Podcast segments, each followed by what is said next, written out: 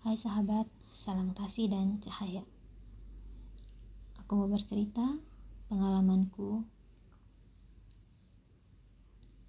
yang awalnya jauh dari Tuhan dan akhirnya kembali mendekat kepada Tuhan. Setelah aku memutuskan untuk berkontrak atau mengundurkan diri dari pekerjaanku dengan bos yang kedua, aku akhirnya kembali ke Indonesia Awalnya aku mau menuntaskan sampai finish kontrak 2 tahun. Tetapi karena tak kuat berada di bawah tekanan yang berlebihan, yang mana aku dituntut untuk menyelesaikan pekerjaan apa pun dalam hitungan 5 menit. Aku sempat protes karena aturan 5 menit ini tidak sesuai dengan schedule yang diberikan di awal aku masuk kerja. Awalnya, aku sudah berusaha mengikuti schedule, tapi tiba-tiba berubah sendiri. Apa pun harus selesai dalam lima menit. Kalau ada yang belum selesai, aku diinterogasi kenapa belum selesai dan aku dimarah-marah. Belakangan aku difitnah oleh ipar dari bos. Aku juga dimarahi habis-habisan untuk sebuah kesalahan yang tidak kubuat. Jadi ceritanya waktu itu, begitu bangun tidur, Aku langsung ke kamar mandi untuk membersihkan diri. Sebelum memulai kerja, waktuku hanya lima menit. Selesai dari kamar mandi, aku melakukan pekerjaan yang lain. Tapi sebelumnya aku pastikan bahwa aku meninggalkan kamar mandi dalam keadaan bersih. Tiba-tiba, bos cowok bangun dan ke kamar mandi. Kurang lebih setengah jam sebelum bos cowok masuk ke kamar mandi, aku sempat melihat. Bos cewek masuk, dan begitu bos cowok masuk, dia melihat ada noda darah di pinggiran toilet. Bos cowok kemudian memanggilku. Di saat yang bersamaan, bos cewek datang, ingin tahu apa yang terjadi. Bos, bos yang cowok bertanya apa aku sedang datang bulan. Aku menjawab iya, tapi aku pastikan bukan aku pelakunya. Di saat itu, bos cewek cepat-cepat menjawab bahwa bukan dia yang menyebabkan noda di pinggiran toilet. Dan dia juga sedang datang bulan. Dan dia orang terakhir yang menggunakan toilet. Tapi karena dia bilang bukan dia, ya sudah, aku yang dituduh dan bos cowok memarahiku habis-habisan pagi itu. Dan aku sakit hati luar biasa. Aku sampai menyalahkan Tasya. Gara-gara dia tidak mau mengembalikan uangku, sehingga akhirnya aku masih menjalankan peran sebagai pembantu dan harus menghadapi kenyataan yang sesakit itu. Karena semakin tertekan, akhirnya aku diam-diam ke agen dan meminta surat pengunduran diri. Begitu aku menyerahkan surat pengunduran diri, majikanku kaget dan sempat memintaku untuk tetap melanjutkan kontrak kerjaku sampai finish. Aku menolak. Dan ternyata banyak pekerja-pekerja sebelumnya yang tidak betah bekerja sama dengan mereka Beberapa waktu sebelum pulang, aku mulai mencari informasi yayasan babysitter. Aku mau melanjutkan kerja di Indonesia dan memilih babysitter untuk sementara waktu supaya aku bisa mengumpulkan modal untuk membuka usaha sendiri. Dan aku memilih sebuah yayasan di Jakarta. Ketika berada di yayasan ini, Cara berpikirku ditata ulang oleh ibu asrama yang juga adalah seorang konselor. Beliau mengatakan bahwa semua masalah terjadi karena kesalahanku sendiri. Aku jauh dari Tuhan, dan aku tidak diizinkan untuk membela diri.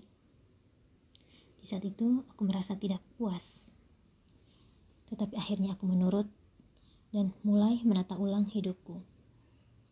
Yang kuingat beliau berkata, kamu itu disayang Tuhan, tapi kamu tidak pernah sayang kepada dirimu sendiri.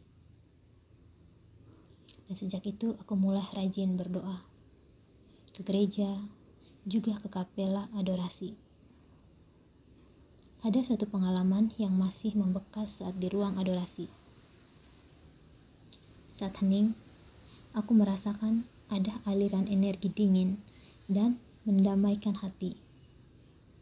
Awalnya aku berpikir, apa ya ini? Karena belum pernah mengalami hal seperti itu sebelumnya. Ternyata itu Roh Kudus yang mendamaikan hatiku karena saat itu aku sedang bermasalah dengan temanku di asrama. Temanku berusaha untuk menjalin kembali komunikasi di antara kami. Tetapi karena aku sudah terlanjur ilfil, akhirnya aku mengabaikannya. Sampai akhirnya Roh Kudus memulihkan hatiku dan setelah itu ketika sahabatku ini menyapaku, aku menjawab dengan perasaan bahagia.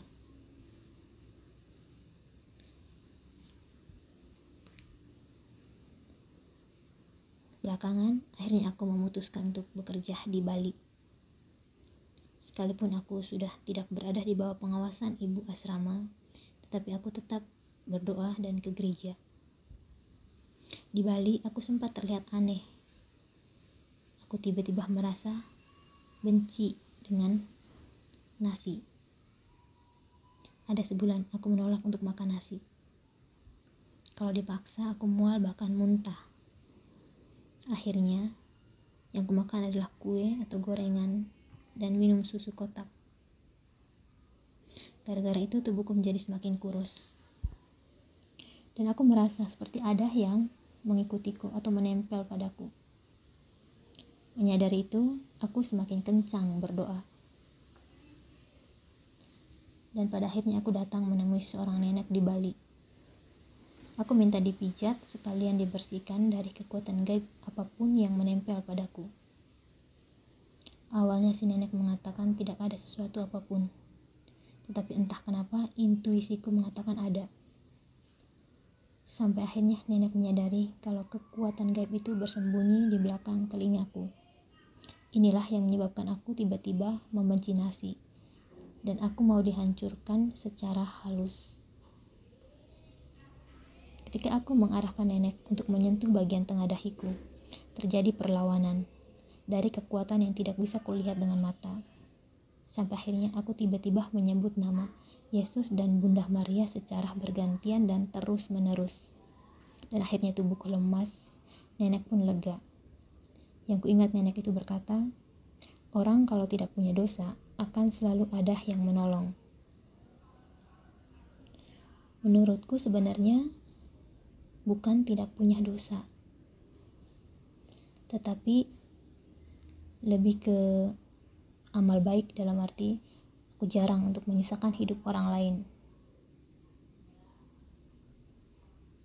Dan aku tidak tahu apa dan kenapa sampai aku diusik seperti itu.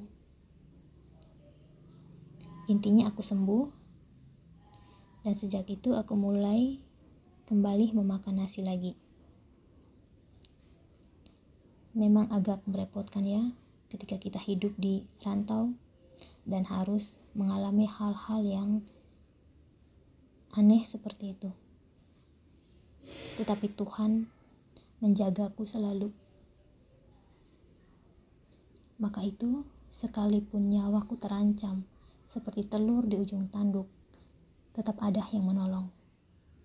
Selalu ada bantuan dari arah yang tidak terduga